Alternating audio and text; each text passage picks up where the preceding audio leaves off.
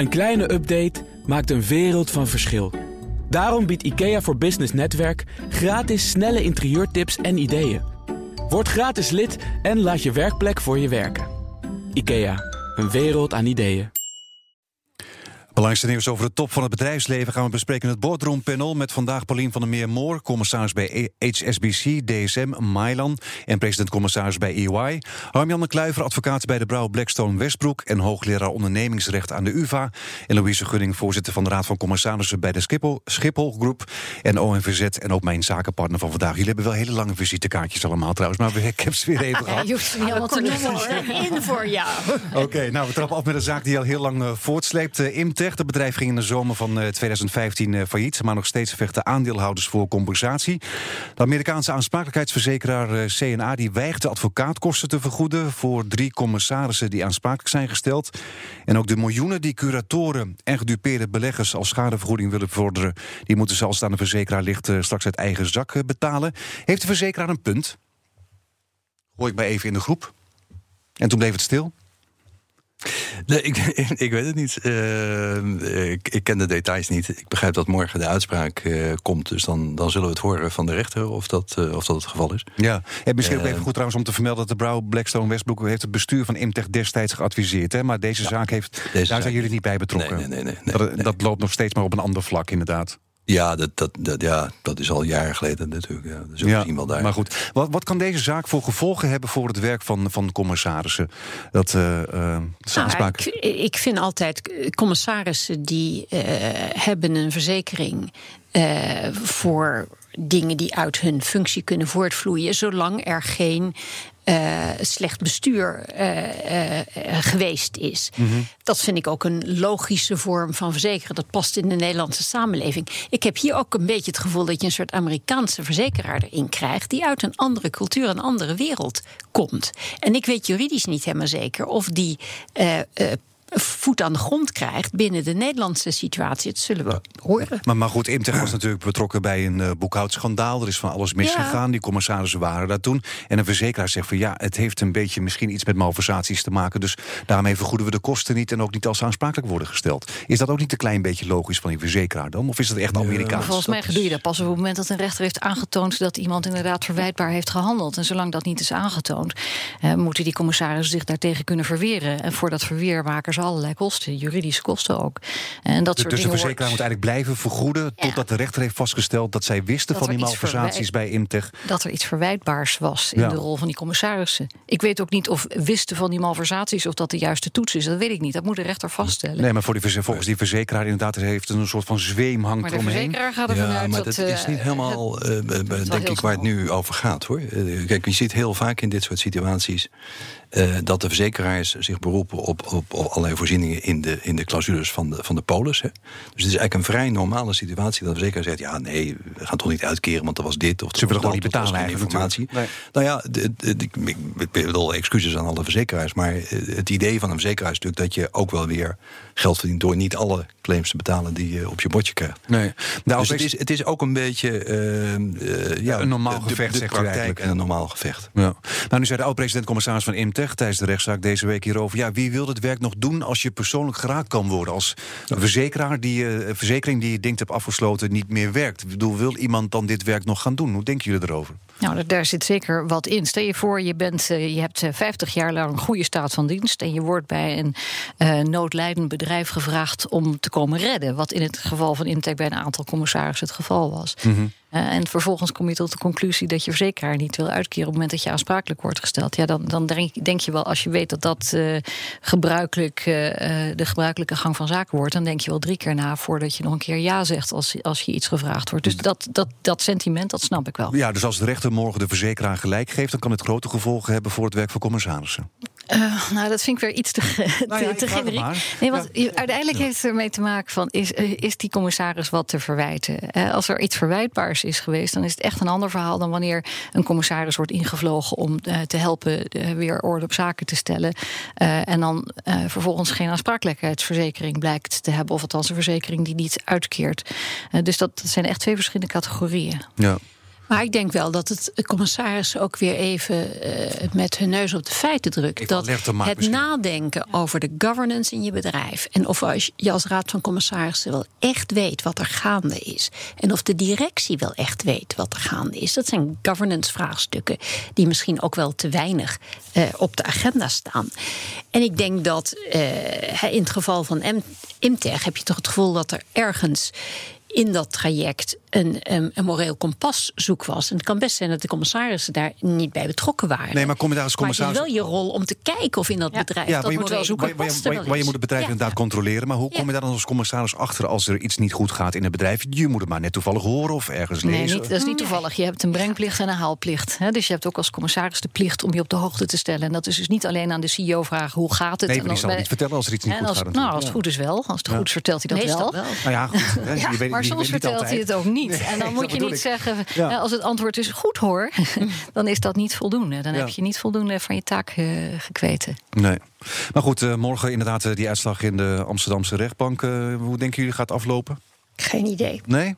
Geen idee. Het is niet zo van de ene partij is duidelijk aan de winnende hand? Nee? Oké. Nou, laten we dan maar uh, snel doorgaan uh, inderdaad naar de afvalverbrande AEB. Uh, ja, niet het eerste Amsterdamse semi-overheidsbedrijf waar de verhoudingen uh, verziekt zijn. eerder was het bij GVB, bij de brandweer en zelfs bij Artis ging de AEB voor. Ja, er zouden nu mogelijke kopers zijn van het Amsterdamse afvalbedrijf. Het gaat wel vaak mis bij semi-overheidsbedrijven als ik dit zo allemaal oplees. Waarom is dat? Waarom is daar een grotere kans dat het misgaat? Nou, het is wel een ingewikkelde constellatie. Uh, je hebt natuurlijk één aandeelhouder. Dat is al sowieso lastig. Want die ene aandeelhouder denkt, nou dan heb ik het hier ook voor het zeggen. Maar dat is natuurlijk niet per se zo. Nee, dat is de gemeente. Uh, dat, dat, is in dit geval de gemeente. Maar kan ook een andere overheids, ja. uh, overheidsinstantie zijn. Terwijl toch dat bedrijf natuurlijk zijn eigen belangen moet dienen. En een eigen bestuur heeft met een eigen verantwoordelijkheid. En misschien ook wel een raad van commissarissen die daar weer gedachten over heeft. Hè, indachtig waar we het net over, over hadden. Uh, en als je dan zo'n een, eh, zo'n aandeelhouder hebt die ook nog verantwoording moet afleggen in de gemeenteraad aan, aan het publiek, dan is de druk wel groot bij die aandeelhouder om eigenlijk een stapje verder te gaan dan bij andere bedrijven. Uh, misschien, uh, misschien normaal zou zijn.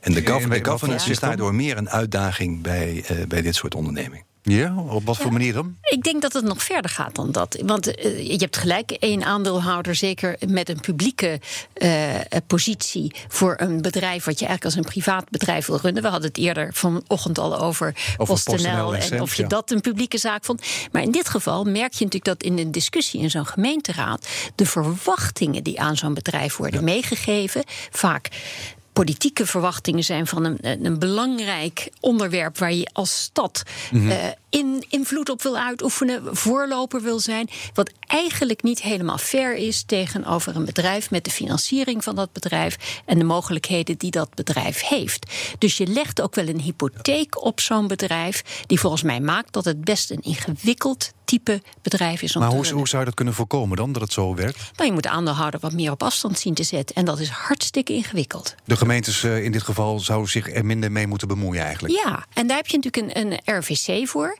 En die, die heeft dat ook maar als er maar één aandeelhouder is. En dat is een, een publieke aandeelhouder. Dan is dat vaak heel moeilijk om die rol van aandeelhouder te scheiden van de beleidsrol die je hebt in de politieke discussie. Ofwel in de stad, ofwel in de Tweede Kamer. Ja, als je nu kijkt naar dit geval van de afvalverbrande AEB, had Amsterdam daar meer buiten dus moeten blijven. Was het dan wel goed gegaan? Ik weet niet of het dan wel. Ik denk dat het zeker geholpen had. Het, het haalt een deel van de complexiteit weg. Die, die uh, politieke dimensie bij dit soort organisaties is altijd een complicerende factor. Als je dat een klein beetje kunt neutraliseren, dan kan het bedrijf gewoon doen waar het bedrijf voor op aarde is. En gedeeltelijk is dat natuurlijk ook om de publieke zaak te dienen. Dus ik snap wel dat je, dat, dat je niet zomaar de hele politiek eruit kunt filteren. Maar het maakt het wel minder complex als je het op afstand zet. Een andere factor die meespeelt is de kwaliteit van het management en van het, uh, van het bestuur en van het toezicht.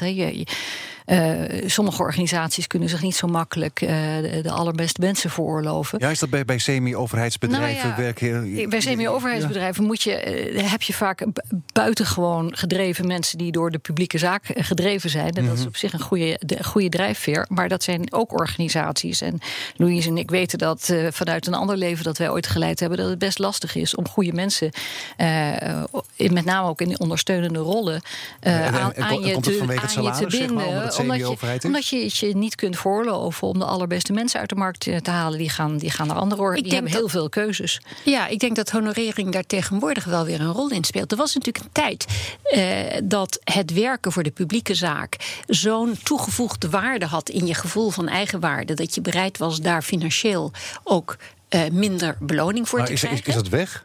Ik denk het wel. Als ik naar onze studenten bij de UvA, ik ben wel benieuwd of jij dat ook ziet. Mm -hmm. de, bij onze studenten merk ik dat de vanzelfsprekendheid dat je misschien een carrière in de publieke kant overweegt, uh, wat weggezakt is. En dat komt door geld.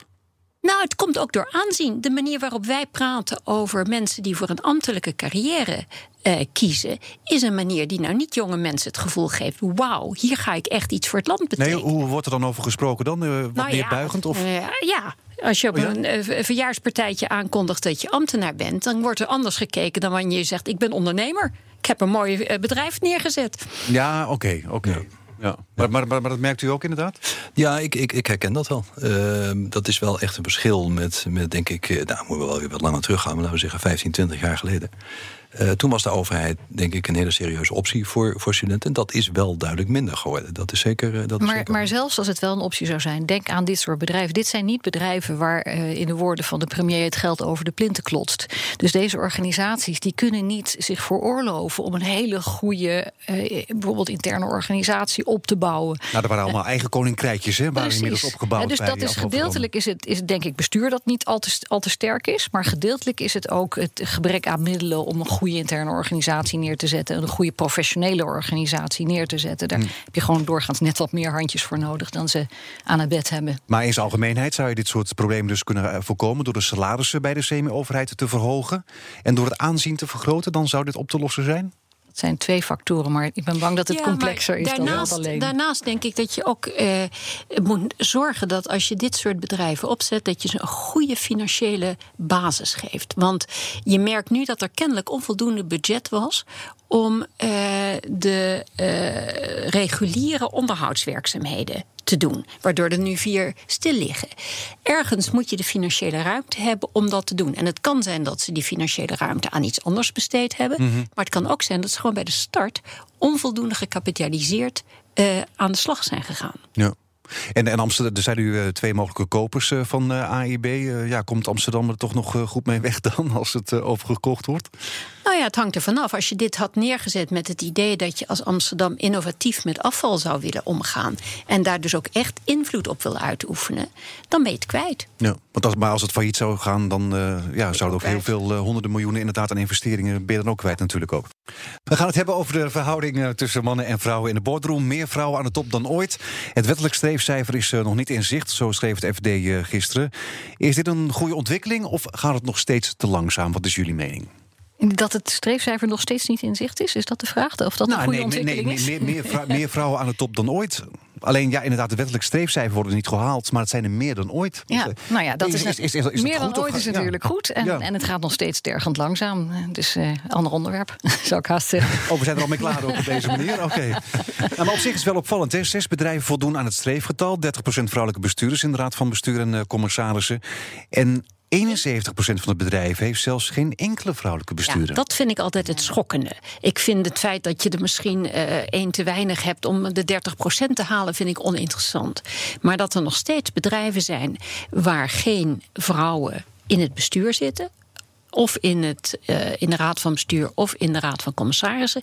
Dat snap ik gewoon niet. Maar hoe kan dat dan? Nou, nou wat ik nog, ah. nog, schokkender vind, is dat ze dan vervolgens in, in de pas toe of leg uit bepalingen van ja. de code uh, er geen woorden aan vuil maken. Of één zinnetje zetten, uh, zeggen, zetten zo van in de trant van we konden ze niet vinden. Of in de trant van wij kijken alleen naar kwaliteit. Met andere woorden, we kunnen geen vrouwen vinden. Ja, ja okay. maar het, is wel de, misschien ruimte voor enige nuance. als je kijkt naar de raden van commissarissen bij de grote onderneming, dan zie je dat daar die 30% uh, ofwel is bereikt of, of binnenkort zal worden bereikt. Bestuur is inderdaad een ander uh, punt. Het lastige daar is dat de besturen steeds kleiner zijn geworden. Ja, uh, in de grote ondernemingen, vroeger had je een maar goed, bestuur. Bij, bij, veel van de bedrijven worden mannen dan weer vervangen door een man. En als je dan al sowieso geen enkele vrouwelijke bestuurder hebt, dan zou je ook kunnen denken: zo van nou laten we een vrouwelijke bestuurder erbij uh, zoeken. Toch? Ja, natuurlijk, tuurlijk. Maar het, wordt natuurlijk, het is natuurlijk makkelijker als het, als het bestuur groter is. Als je een bestuur hebt van vier, vijf mensen, dan is het veel makkelijker om te zeggen: dan hebben we ook twee vrouwen daarbij. Mm -hmm. Uh, sowieso. En wat bestuur kleine, Als je een klein, kleiner bestuur hebt, dan, dan is het wel moeilijker om te zeggen, het moet nou een vrouw zijn. Dus je denkt, ja, maar nou, ja, qua kwaliteiten willen we toch echt die of die persoon hebben. En maar dat is wel een mooie excuus. We hebben gewoon een klein bestuur, dus we hebben geen ruimte voor vrouwen. Ja, maar dan, dan dwing je eigenlijk om te zeggen, de CEO van uh, een AX-bedrijf moet dan een vrouw zijn. Ja, dat lijkt me nou ook weer een beetje. Of een CFO. dat is dan, of een CFO. Nee, dat, dat, en die ontwikkeling zie je al. Dus is natuurlijk heel veel. Ja, je ziet duidelijk meer CFO's, uh, vrouwelijke CFO's. Ik heb altijd de, de illusie, zou ik bijna zeggen, ik heb altijd de hoop gehad dat de pijplijn op een gegeven moment uh, zoveel meer keus ook van vrouwen die je kunt benoemen, ook in het eigen bedrijf oplevert. Dat je niet eh, noodzakelijk maar één kroonprins in het vizier hebt die je zou willen benoemen. Maar zijn die er dan inderdaad niet? Ik bedoel, werkt het niet zo dan? Nou ja, ik heb dat uh, in de medische wereld altijd gedacht, omdat ik me nog herinner hoeveel vrouwen er in mijn studiejaar zaten. Mhm. Dat is op een gegeven moment wel gebeurd, maar het is wel twintig jaar later dan wat je op grond van de demografie verwacht zou hebben. Dus kennelijk gaat, gaat dat doorcijpelen niet zo snel. En er zijn nog bedrijfstakken waar inderdaad heel erg weinig vrouwen aan het begin in die pijplijn komen. Ik denk wel dat het steeds beter wordt. Je ziet in Nederland steeds meer vrouwen die ook gewoon door blijven werken als ze hun gezin krijgen, waardoor uh, ze meegroeien met het bedrijf. Maar, maar komt het dan dat er dan inderdaad niet genoeg vrouwelijke bestuurders zijn, omdat de vrouwen dan inderdaad misschien een periode voor de kinderen gaan zorgen? Of zo? Nee, dat kost toch maar een paar jaar. Nee, ja, dat, dat, je wat minder werkt. Nou, je hebt een hele lange loopbaan, dus dan kom je er misschien wat later in. Maar dat is niet een kwestie dat je er niet in komt. Nee, nee maar ja, ja oké. Ja, nou, sommige bedrijfstakken is het lastig. In sommige bedrijfstakken is het echt lastig, omdat je gewoon ook aan de, bij de poort weinig vrouwen vindt. Hè. Mm ASML, waar ik negen jaar commissaris ben geweest, had echt grootste moeite om veel technische. Uh, als, je, als je een PhD in een nanotechnologie zoekt, ja, dan is de kans vrij groot dat je op een man stuit. Dat is nou helemaal zo. Dat hoort gewoon bij uh, dat hoort, de sector. Ja, dat hoort bij de sector. Dus daar is het echt lastig om, uh, om die pijplijn te vullen. Maar aan andere bedrijven is er geen, enkele, geen enkel excuus om die pijplijn niet te vullen. En als die pijplijn eenmaal gevuld is, dan is er ook geen excuus om daar niet uit te kiezen. Nee, nee wat, wat ook opvallend is, is dat bij, de, bij, bij bijna de helft van de vrouwelijke benoemingen gaat het ook nog om vrouwen uit het buitenland. En bij mannelijke bestuurders zie je dat niet. Dan, dan lijkt het ook alsof er in Nederland bijna geen geschikte vrouwen te vinden zijn. Nou ja, dat, dat, dat wilde ik inderdaad opmerken. Dat uh, als je kijkt wie er dan benoemd worden, worden, worden veel vrouwen benoemd. We hadden het net even over CFO's. Zijn dat heel vaak uh, vrouwen uit, uit de UK of Frankrijk. En daar is natuurlijk wel de cultuur uh, zo dat men intensiever uh, blijft werken dan, dan in Nederland. Dus dat speelt denk ik wel een rol. Of dat terecht is of niet, dat, nou, daar kan je, kan je Maar dat is dus wel de reden, inderdaad. Ja, daar, daar wordt wel anders naar gekeken. En je ziet ook wel uh, dat vrouwen zeg maar, heel erg gevraagd zijn als commissaris. Dus je ziet vrij jonge vrouwen, eind, eind 40, tweede helft 40, zie je in het, naar het commissariaat gaan en niet zozeer de executive functies ambiëren. Dat vind ik ook wel een opvallende ontwikkeling. Maar het heeft dan meer met de Nederlandse cultuur te maken dat ze in Nederland niet te vinden zijn. Nou, ik denk dat we daar gewoon een beetje achterlopen, als ik heel eerlijk ben. Want ik denk dat we Engeland en Frankrijk, voor wat betreft de participatie van vrouwen, langzamerhand aan het uh, evenaren zijn. Maar dat is nog wel in een wat jongere generatie, die dus nog niet altijd in de leeftijd zijn dat ze voor commissariaten in aanmerking komen. Je hebt gelijk, er zijn natuurlijk een aantal beroepscommissarissen nu. Ja, uh, en vrij jonge. Ik vind dat eigenlijk wel jammer, want dan, dan mis je die vrouwen in de executive functies. Mm -hmm. Maar um, uh, vindt het bedrijf het eigenlijk wel echt belangrijk? Of, of misschien ook het diepste beetje gezeur, zo van ach, het moet? En, uh... Nou, mijn ervaring is nu zo langzamerhand dat we het stadium van het gezeur wel achter ons hebben gelaten hoor. Uh, tien jaar geleden vonden ze het nog een beetje gezeur. Maar de meeste bedrijven nu zijn wel vrij gewetensvol bezig met het vullen van de pijplijn en het echt serieus zoeken naar vrouwen. Als er nieuwe benoemingen gedaan moeten worden. Er zullen ongetwijfeld een aantal zijn die nog een beetje achterlopen in hun denken. Uh, als, als voorzitter van de monitoringcommissie Corporate Governance uh, ga ik ook altijd graag een kopje koffie bij die mensen drinken. Als ze, ze daar belangstelling voor hebben om ze nog uh, om eens even met ze te praten. Van, hè, kan je er ook anders naar kijken. Maar over het algemeen zijn bedrijven echt gewetensvol bezig met, met dit onderwerp. Alleen het gaat echt heel erg langzaam. Ja, zou er dan een quote moeten komen, hè? het woord waar steeds over gesproken wordt? Ja, ik ben daar zelf geen voorstander voor, eerlijk gezegd. Ik, ik refereer me aan het oordeel van de beide dames in dit ja. Eh, panel. Oh ja, durf niet zo goed. ja. Maar jullie zijn uh, tegen een. Uh, ik ben niet zozeer tegen. Ik vind het een, een, een beetje een botte bijl. Uh, en ik ben er veel meer voor dat je in die pijplijn zorgt dat je het zo makkelijk mogelijk maakt voor vrouwen. Dat het een natuurlijk proces wordt eigenlijk in plaats van uh, dat je met een quote moet. Het een beetje weg uit de gevechtssfeer en uit, uh, uit de, de, de, sfeer van wie niet horen wil, moet maar voelen. Ik wil liever dat, dat je er gewoon een volwassen gesprek over hebt en dat je dit gewoon doet. Oké. Dan uh, Lee Jae-jong, de vicevoorzitter van uh, Samsung. Die moet opnieuw voor het hekje verschijnen in een corruptieaffaire. Die zaak moet over volgens de hoogste rechter. En hierdoor loopt de topman het risico dat zijn straf hoger uitvalt. U kent hem, hè? Ja, Jay Lee, ja. Waar kent u van? Ja, nou, ik heb negen jaar als commissaris bij uh, eh, ASML gezeten. En Samsung is een van de belangrijkste klanten van ASML. Dus we zijn wel eens bij hem op bezoek geweest. Ik heb zelfs met hem aan tafel mogen zitten. Oké, oké. Nou, Lee zou betrokken zijn geweest bij omkoping van een goede vriend van uh, de oude president. Die laatst in een gevangenisstraf uit van uh, eh, 24 jaar. Maar ja, nog niks is bewezen. Is zo'n beschuldiging al genoeg om te moeten aftreden of niet? Nou, er zijn uh, om te beginnen in Zuid-Korea heel veel prominenten die achter de tralies uh, verdwijnen met dit soort beschuldigingen. Het is een beetje Azië. Nou ja, Het, het, is bijna als je, als je er niet verdwijnt, kan je je afvragen wat er aan de hand is. dat is toch niet helemaal goed gedaan. Er is ook een hele bijzondere vleugel in die, heb ik me laten vertellen, in die gevangenis voor prominenten die daar zitten. Er is nog net geen marmeren badkamer, maar het is echt een hele, uh, laten we zeggen, een prominente vleugel die gevangenis. Dus het is daar wel een beetje een, uh, gebruikelijk. En, ja, die, dus, dus voor een bedrijf als Samsung is dit eigenlijk helemaal niet zo erg, want er zijn nou, meerdere het is wel erg. Nee, natuurlijk is het wel. Als, als meerdere natuurlijk, bedrijven getroffen zijn, natuurlijk. Ja. Maar er zijn, het gebeurt heel veel. En dat, ja, dat is ook wel, denk ik, een signaal dat, dat het daar in die samenleving ook wat meer gebruikelijk is om, om elkaar op allerlei manieren eh, een handje te helpen, zullen we maar zeggen. Ja, maar dat proberen ze nu inderdaad uh, af te leren. En uh, daardoor verdwijnen mensen voor lang in de gevangenisstraf. Maar wat zou je als bedrijf moeten doen als, als je in zo'n situatie komt? Als je vicevoorzitter in zo'n situatie komt? Nou, het, is, het, is, het, is een, het is echt wel een grote uitdaging voor een bedrijf als dat gebeurt. En, en de commissarissen zijn dan essentieel. Dan zal er snel gehandeld moeten worden. Uh, je kan het niet laten, laten slepen, want dat, dat, dat verlamt op een gegeven moment de hele organisatie. Je kan ook niet zeggen, nou, er is een beschuldiging en dus moet iemand daarom alleen al terugtreden. Dus het is een kwestie van heel snel onderzoek laten doen. Bij, bij voorkeur door een externe. Zo van wat klopt er van de beschuldiging? Ja, wat klopt van de beschuldiging? En dat, dat snel en extern laten doen. Daar ook transparant over zijn. En dan proberen om dat echt zo snel mogelijk uh, tot, een, tot een conclusie te laten leiden. Ja. Maar het is natuurlijk wel extra moeilijk als het een familiebedrijf is. En dit is de ja. derde generatie ja. van uh, de familie. Dat is ook in Nederland altijd een ja, probleem. Die laat je minder snel vallen natuurlijk. Nou, het is veel ingewikkelder eh, om, eh, hè, want dat is iemand die niet weggaat in de zin eh, van hij gaat ergens anders een baan zoeken. Maar wat nu als blijkt inderdaad die, dat uit dat onderzoek inderdaad wat je dan heel snel laat doen, blijkt dat hij schuldig is? Ja. Nee, maar dan heb je geen, geen keus. Maar de vraag was inderdaad van wat doe je uh, voordat je dat zeker weet. En dat is denk ik extra moeilijk als het een familiebedrijf ja, is. Ja, het is wel zo dat Samsung ook, ook beursgenoteerd is natuurlijk. Ja. Dus dat, dat maakt het dan weer makkelijker. Dat betekent ook dat commissarissen die eigen ja. verantwoordelijkheid kunnen, kunnen claimen. Uh, en in de Nederlandse situatie zou, zou je denk ik toch wel rap moeten, moeten doorpakken.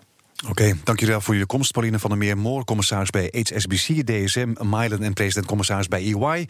Harm-Jan de Kluiver, advocaat bij de Brouw Blackstone Westbroek, hoogleraar ondernemingsrecht aan de UvA. En mijn zakenpartner ook vandaag, Louise Gunning, voorzitter van de Raad van Commissarissen bij de Schiphol Groep en ONVZ. Het inrichten van je eigen zaak is best wel wat werk. Daarom biedt IKEA voor Business Netwerk 50% korting op interieuradvies. Word gratis lid en laat je werkplek voor je werken. IKEA. Een wereld aan ideeën.